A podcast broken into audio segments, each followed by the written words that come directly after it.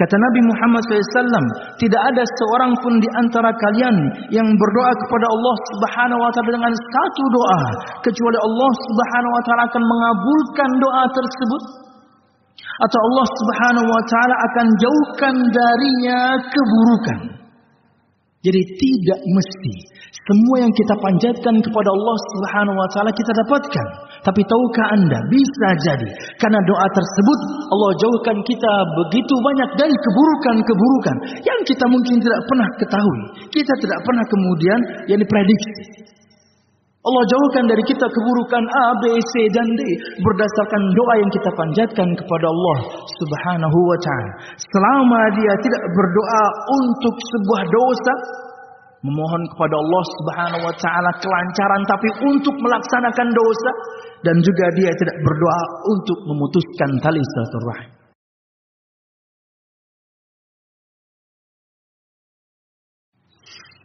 Innal hamdalillah نحمده ونستعينه ونستغفره ونعوذ بالله من شرور أنفسنا ومن سيئات أعمالنا. من يهده الله فلا مضل له ومن يضلل فلا هادي له. أشهد أن لا إله إلا الله وحده لا شريك له وأشهد أن محمدا عبده ورسوله. قال الله تعالى في القرآن الكريم أعوذ بالله من الشيطان الرجيم. يا أيها الذين آمنوا اتقوا الله حق تقاته ولا تموتن إلا وأنتم مسلمون. يا أيها الناس اتقوا ربكم الذي خلقكم من نفس واحدة وخلق منها زوجها وبث منهما رجالا كثيرا ونساء واتقوا الله الذي تساءلون به والأرحام إن الله كان عليكم رقيبا. يا أيها الذين آمنوا اتقوا الله وقولوا قولا سديدا. يصلح لكم أعمالكم ويغفر لكم ذنوبكم. ومن يطع الله ورسوله فقد فاز فوزا عظيما. فإن أصدق الحديث كتاب الله. وخير الهدي هدي محمد صلى الله عليه وسلم وشر الأمور محدثاتها فإن كل محدثة بدعة وكل بدعة ضلالة وكل ضلالة في النار أما بعد Hadirin jamaah Jumat rahimakumullah Alhamdulillah segala puji dan syukur marilah kita haturkan kepada Allah Subhanahu wa taala. Kemudian salawat serta salam semoga selalu tercurah kepada junjungan besar Nabi kita Muhammad sallallahu alaihi wasallam juga beserta para sahabatnya, keluarganya, dan segenap kaum muslimin yang selalu istiqamah berpegang teguh dengan Islam sampai hari kiamat kelak.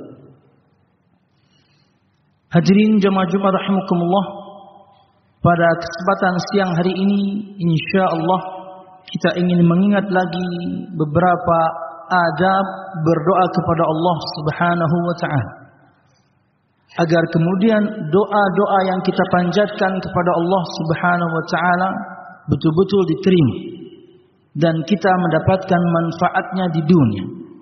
Entah itu betul-betul manfaat yang kita inginkan atau kita berdoa agar dijauhkan dari keburukan yang tidak kita inginkan.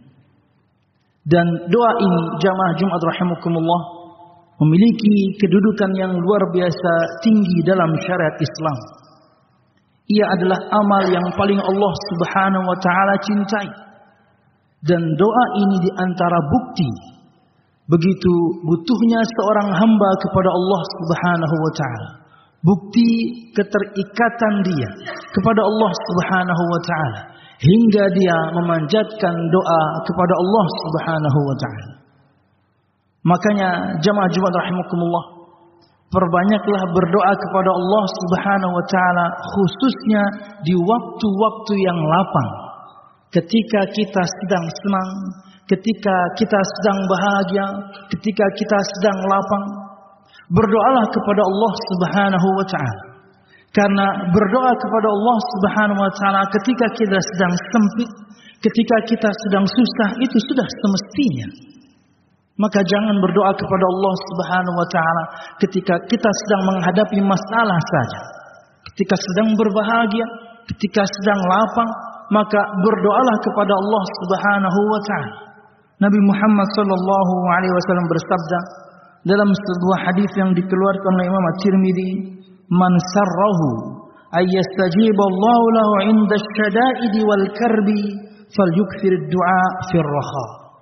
Barang siapa yang ingin Allah Subhanahu wa taala kabulkan doanya ketika sedang menghadapi kesusahan, ketika sedang menghadapi kesempitan, maka perbanyaklah berdoa kepada Allah Subhanahu wa taala ketika dia sedang lapang, ketika dia sedang berbahagia, ketika dia sedang senang. Dan doa ini jamaah Jumat rahimakumullah adalah intisari ibadah kita kepada Allah Subhanahu wa taala.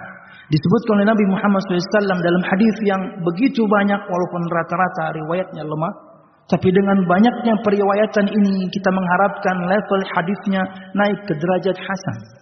Kata Nabi Muhammad SAW, Ad-du'a mukhul ibadah. Berdoa itu adalah intisari peribadatan kepada Allah Subhanahu wa taala. Bukti bagaimana hamba ini semua kita butuh kepada Allah Subhanahu wa taala agar semua yang kita panjatkan Allah Subhanahu wa taala ijabahi. Di hadis yang lain dikeluarkan Imam Ahmad Kata Nabi Muhammad sallallahu alaihi wasallam, "Ad-du'a huwal ibadah." Doa itulah ibadah. Jadi beribadah kepada Allah Subhanahu wa taala terpraktekkan pada doa kita kepada Allah Subhanahu wa taala.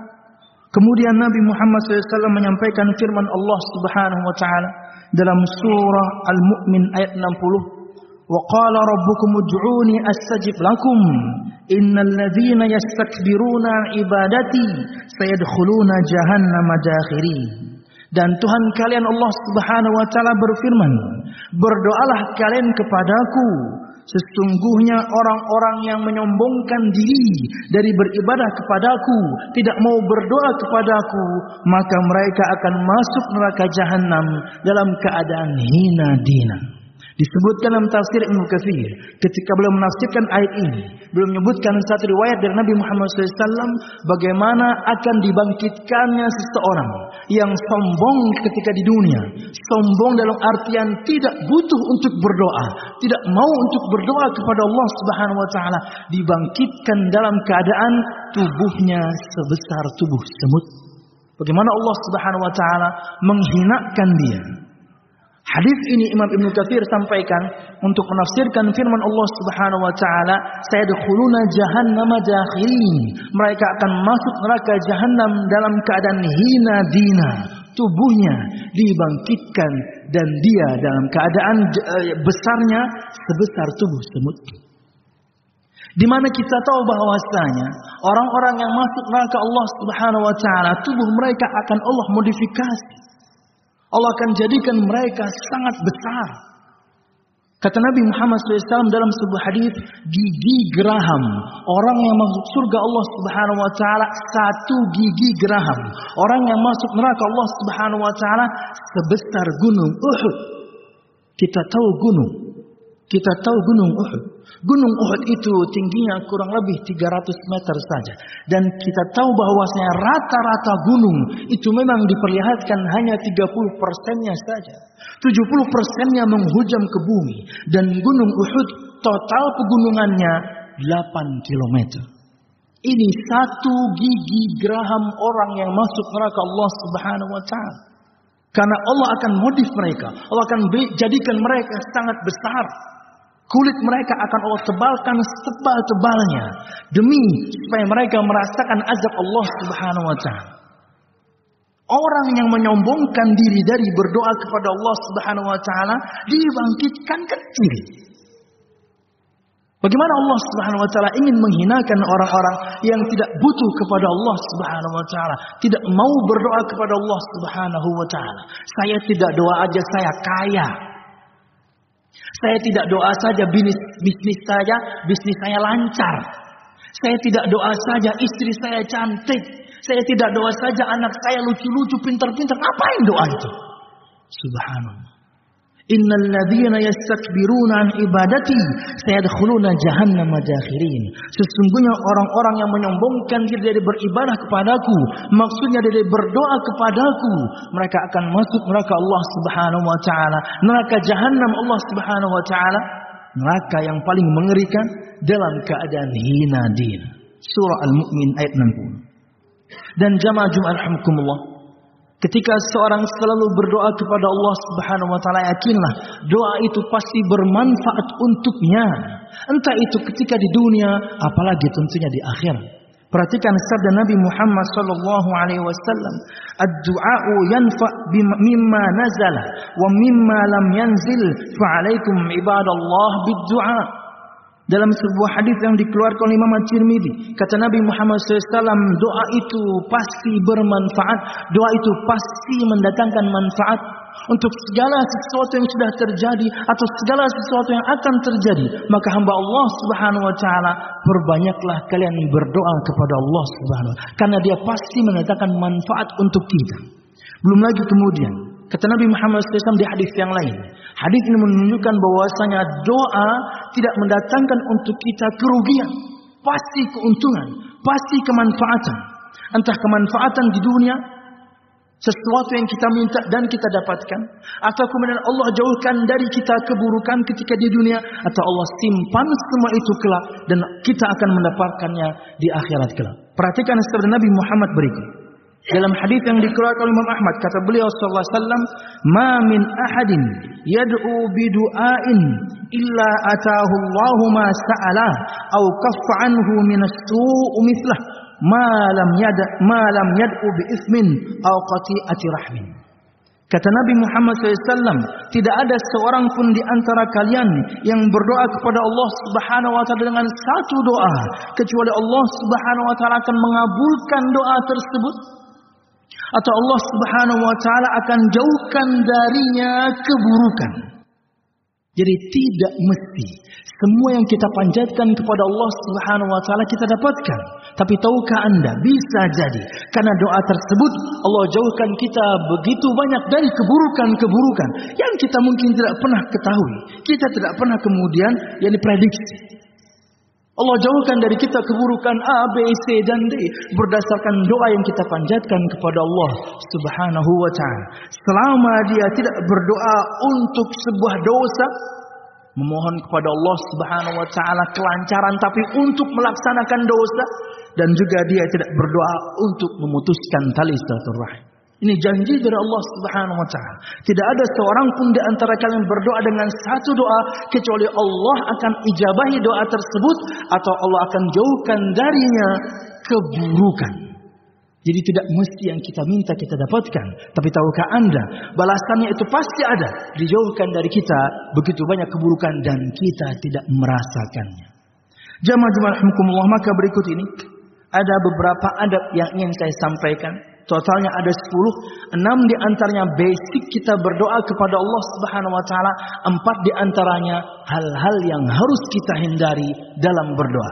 Yang pertama, di antara adab berdoa kepada Allah Subhanahu wa taala pastinya tanamkan niat ikhlas karena Allah Subhanahu wa taala. Kata Nabi Muhammad SAW, "Innamal a'malu binniyat wa innama likulli imri'in ma nawa."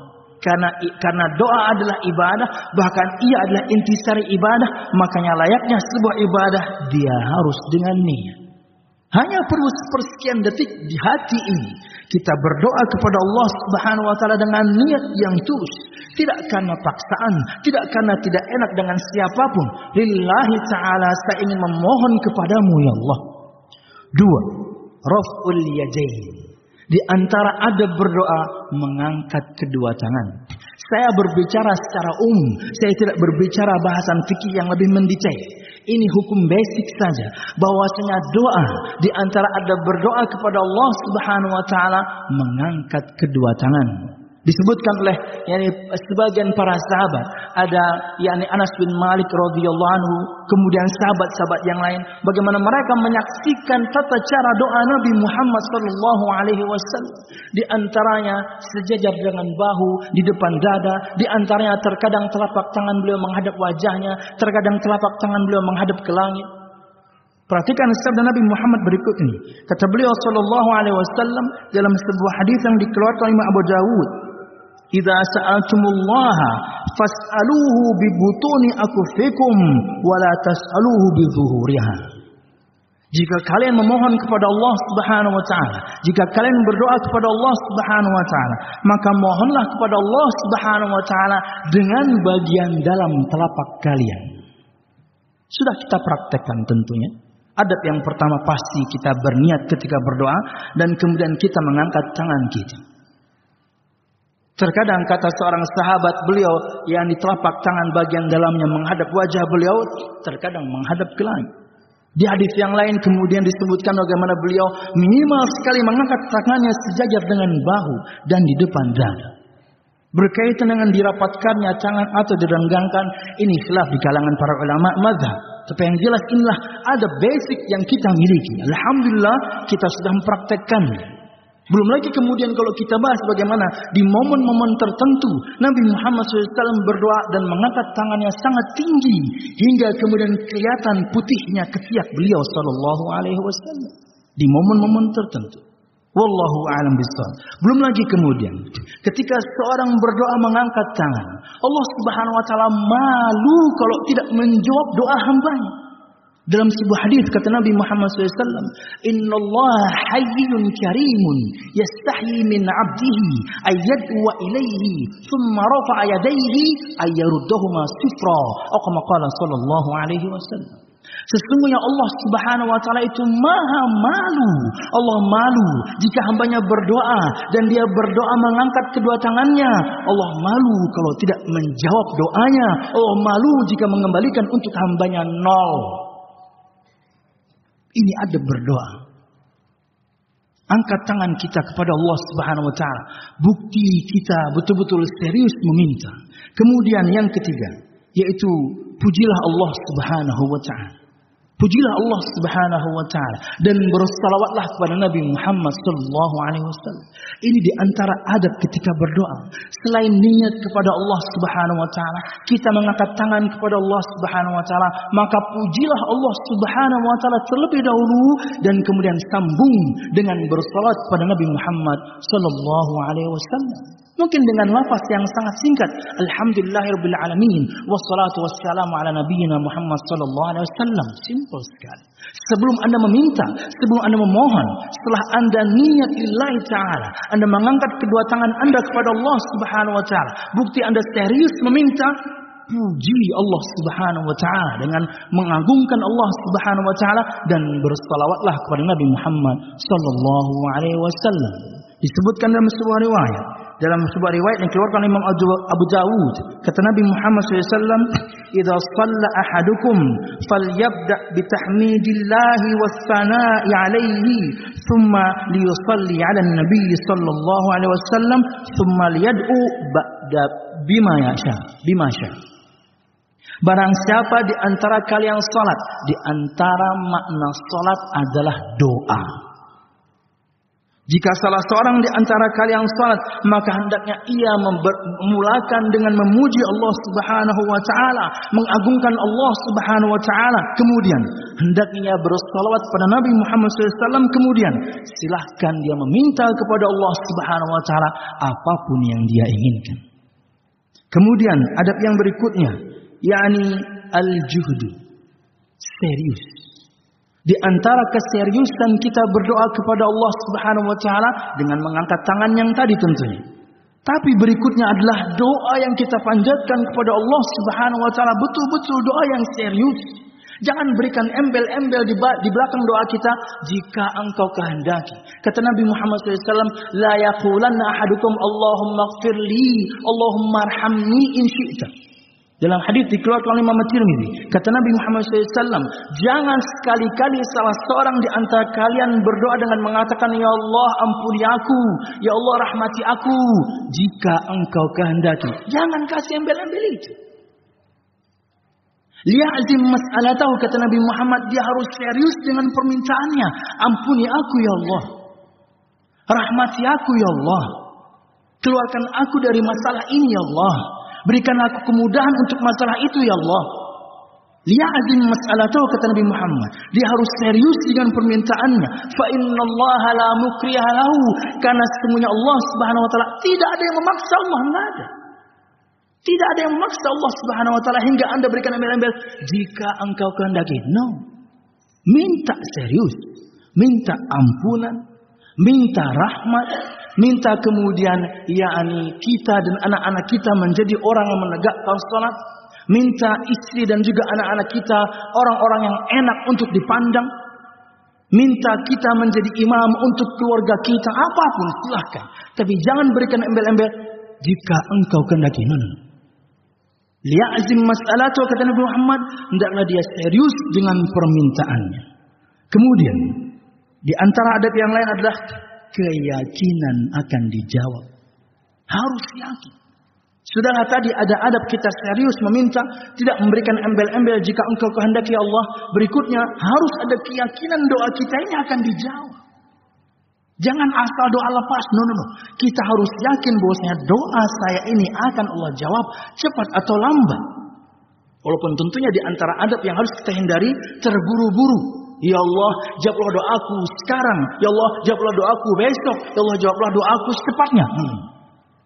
Berdoa saja kepada Allah Subhanahu wa taala tapi yakin akan dijawab oleh Allah Subhanahu wa taala. Kata Nabi Muhammad sallallahu alaihi wasallam dalam sebuah riwayat yang dikeluarkan Imam Tirmizi Kata beliau, "Ud'ullaha wa antum muqinuna bil ijabah, fa inna Allah la yastajibu du'aan min qalbin ghafilin Berdoalah kalian kepada Allah Subhanahu wa taala dan kalian yakin akan dijawab. Ini adab kita kepada Allah Subhanahu wa taala. Berdoalah kalian kepada Allah Subhanahu wa taala dan kalian yakin akan dijawab. Karena sesungguhnya Allah Subhanahu wa taala tidak akan menjawab satu doa dari orang yang lalai apalagi main-main. No. Sudahlah kita serius mengangkat tangan kita. Kita tidak beri embel-embel apa pun di belakang doa kita dengan perkataan jika engkau kehendaki. Mintanya serius dan kemudian yakin bahwasanya doa ini akan dijawab. Dan silahkan kemudian Bapak e, jamaah sekalian rahmukumullah mungkin ingin eksplorasi waktu-waktu mustajab doa, tempat-tempat mustajab doa dan tentunya adab-adab yang lain karena belasan yakni adab yang diajarkan oleh para ulama dari Nabi Muhammad sallallahu alaihi wasallam. Aqul qawli hadza wa astaghfirullah li wa lakum wa lisa'il mu'minin fastaghfiruhu innahu huwal ghafurur rahim. Alhamdulillah الحمد لله الذي هدانا لهذا وما كنا لنهتدي لولا أن هدانا الله.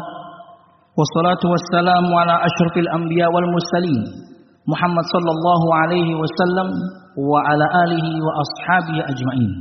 الذي حارب الباطل وأيد الحق وتنصر الرذائل وأحيا الفضائل وتمم مكارم الأخلاق وهدى الناس إلى صراط مستقيم صراط الذين أنعم الله عليهم من النبيين والصديقين والشهداء والصالحين وحسن أولئك رفيقا Hadirin jamaah Jumat rahimakumullah. Dan empat adab sisanya. Dan ini berkaitan dengan hal-hal yang terlarang untuk kita untuk kita lakukan ketika kita berdoa. Yang pertama, dan ini yang paling utama sebenarnya dari semua belasan adab yang diajarkan oleh para ulama berdasarkan sabda Nabi Muhammad SAW. Enam di antaranya sudah kita bahas tadi. Jika semua belasan persyaratan tersebut kita penuhi, semua adab itu kita penuhi, kita niat lillahi ta'ala, kemudian mungkin kita tambahkan kita betul-betul dalam keadaan bersuci, kita mengangkat tangan, kita berdoanya serius, kita berdoanya betul-betul yakin akan dijawab, kita berdoanya di waktu yang tepat, kita berdoanya di tempat yang tepat, kita berdoanya dengan lirih, kita berdoanya, kita berdoanya, semua persyaratan Anda penuhi. Tapi makanan yang masuk ke tubuh Anda haram. Tapi minuman yang masuk ke tubuh Anda haram. Percuma semuanya. Hancur semuanya. Inilah kenapa banyak para ustaz selalu menggaungkan berkaitan dengan jauhkanlah diri dari perkara yang haram. Khususnya untuk semua kita para pencari nafkah. Karena tugas kita dalam mencari nafkah cuma dua. Cari yang halal, zatnya, dan dengan cara yang halal.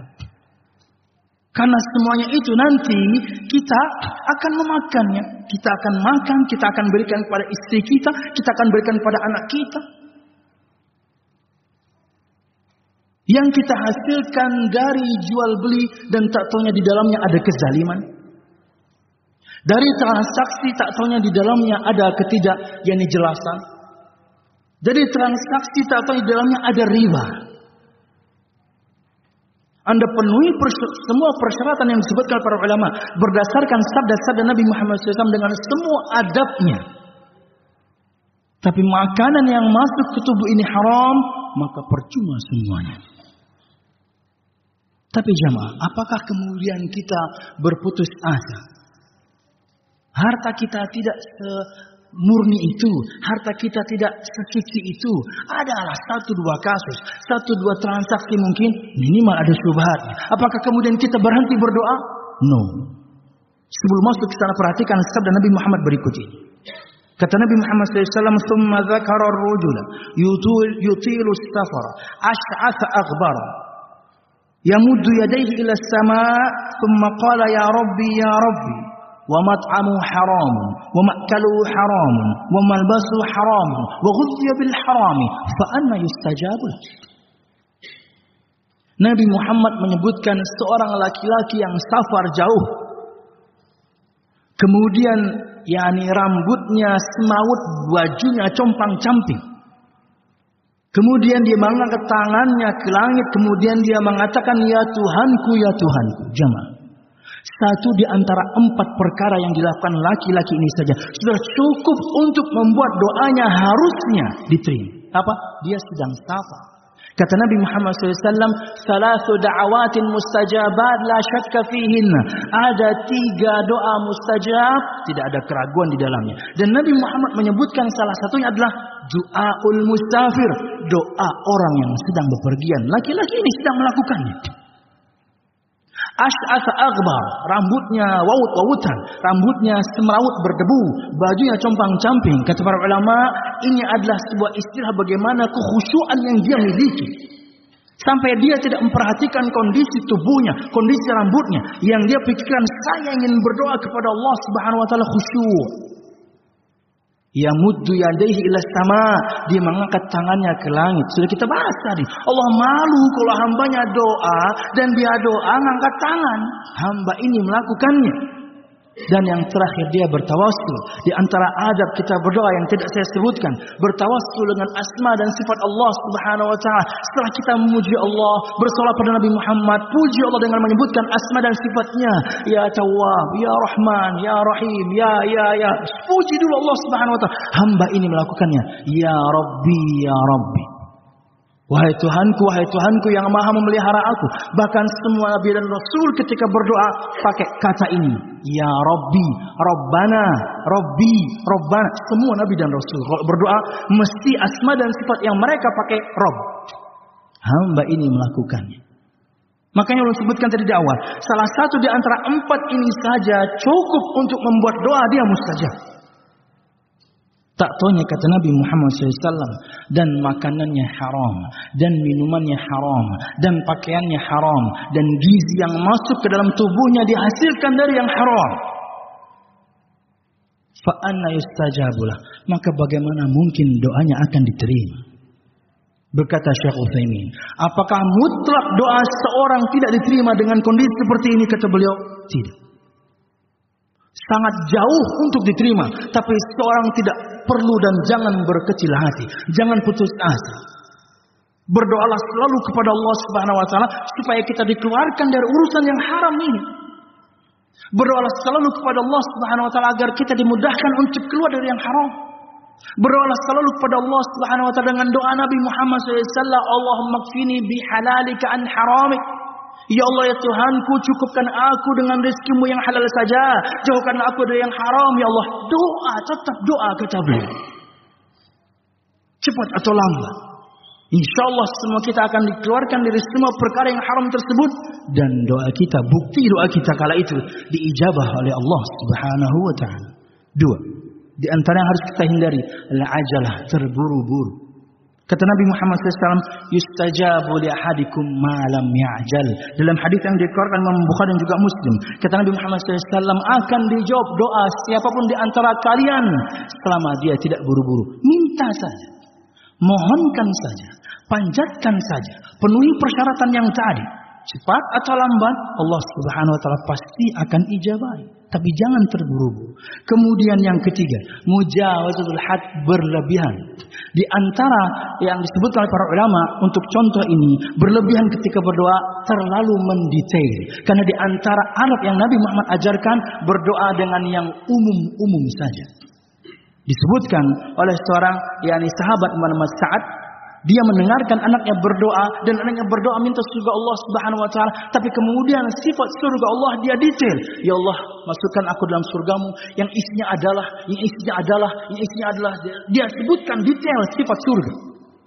Kata saat tidak seperti itu saya mendengarkan Nabi Muhammad berdoa. Ya, tidak begitu cara berdoa yang diajarkan Nabi Muhammad kepada kami. Karena di antara ada berdoa adalah berdoa yang umum-umum saja, bukan detail. Wallahu a'lam bishawab. Dan yang terakhir, berdoa kepada Allah Subhanahu wa taala sesuatu yang mustahil.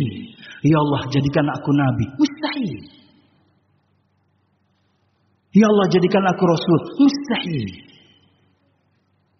Ya Allah, jadikan aku Imam Mahdi. Mustahil. Arab aja enggak. Hidung pesek, mata sipit. Ya Allah, jadikan aku Imam Mahdi. Gimana? Mustahil. Maka jangan berdoa kepada Allah Subhanahu wa taala hal-hal yang demikian. Karena kita tahu berdasarkan prinsip kita ahli sunnah wal jamaah. Penutup semua nabi dan rasul. Muhammad Rasulullah SAW. Dan kerasulan dan kenabian itu anugerah. Bukan kemudian bisa diraih dengan ketaatan. Anda taat, semua kewajiban Anda lakukan. Semua larangan Anda tinggalkan. Bukan kemudian kala itu Anda berhak mengatakan, Ya Allah saya siap jadi nabi berikutnya. No. Kenabian dan kerasulan itu hak Allah. Allah yang pilih orangnya. Siapa yang tepat di antara hambanya untuk menjadi nabi. Siapa yang tepat di antara hambanya yang sudah jadi nabi. Untuk kemudian naik level menjadi rasul. Itu semuanya anugerah. Bukan kemudian bisa dicapai. No. Maka ini di antara adab dan ini yang harus kita hindari. Berdoa kepada Allah Subhanahu wa taala dengan perkara-perkara yang mustahil. Wallahu a'lam bishawab. Ini yang bisa disampaikan dan bermanfaat dan khilafun mohon maaf. Mohonlah selalu kepada Allah Subhanahu wa taala, lengkapi syaratnya, sempurnakan adabnya dan yang paling utama, usahakanlah selalu untuk semua kita ya para pencari nafkah. Bahwasanya asupan yang masuk ke tubuh ini tidak masuk asupan ke tubuh ini kecuali yang halal.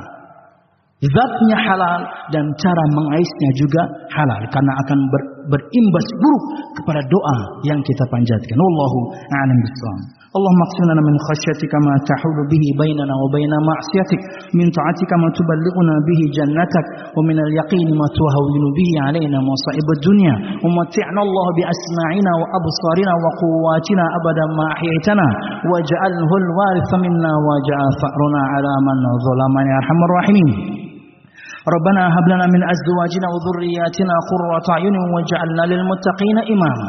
ربنا لا تزغ قلوبنا بعد إذ هديتنا وهب لنا من لدنك رحمة إنك أنت الوهاب. اللهم إنا نسألك حسن الخاتمة ونعوذ بك من سوء الخاتمة. يا أرحم الراحمين. اللهم نسألك الجنة وما قرب إليها من قول أو عمل ونعوذ بك من النار وما قرب إليها من قول أو عمل. ربنا آتنا في الدنيا حسنة وفي الآخرة حسنة وقنا عذاب عذاب النار. سبحان ربك رب العزة أما يصفون والسلام على المرسلين والحمد لله رب العالمين.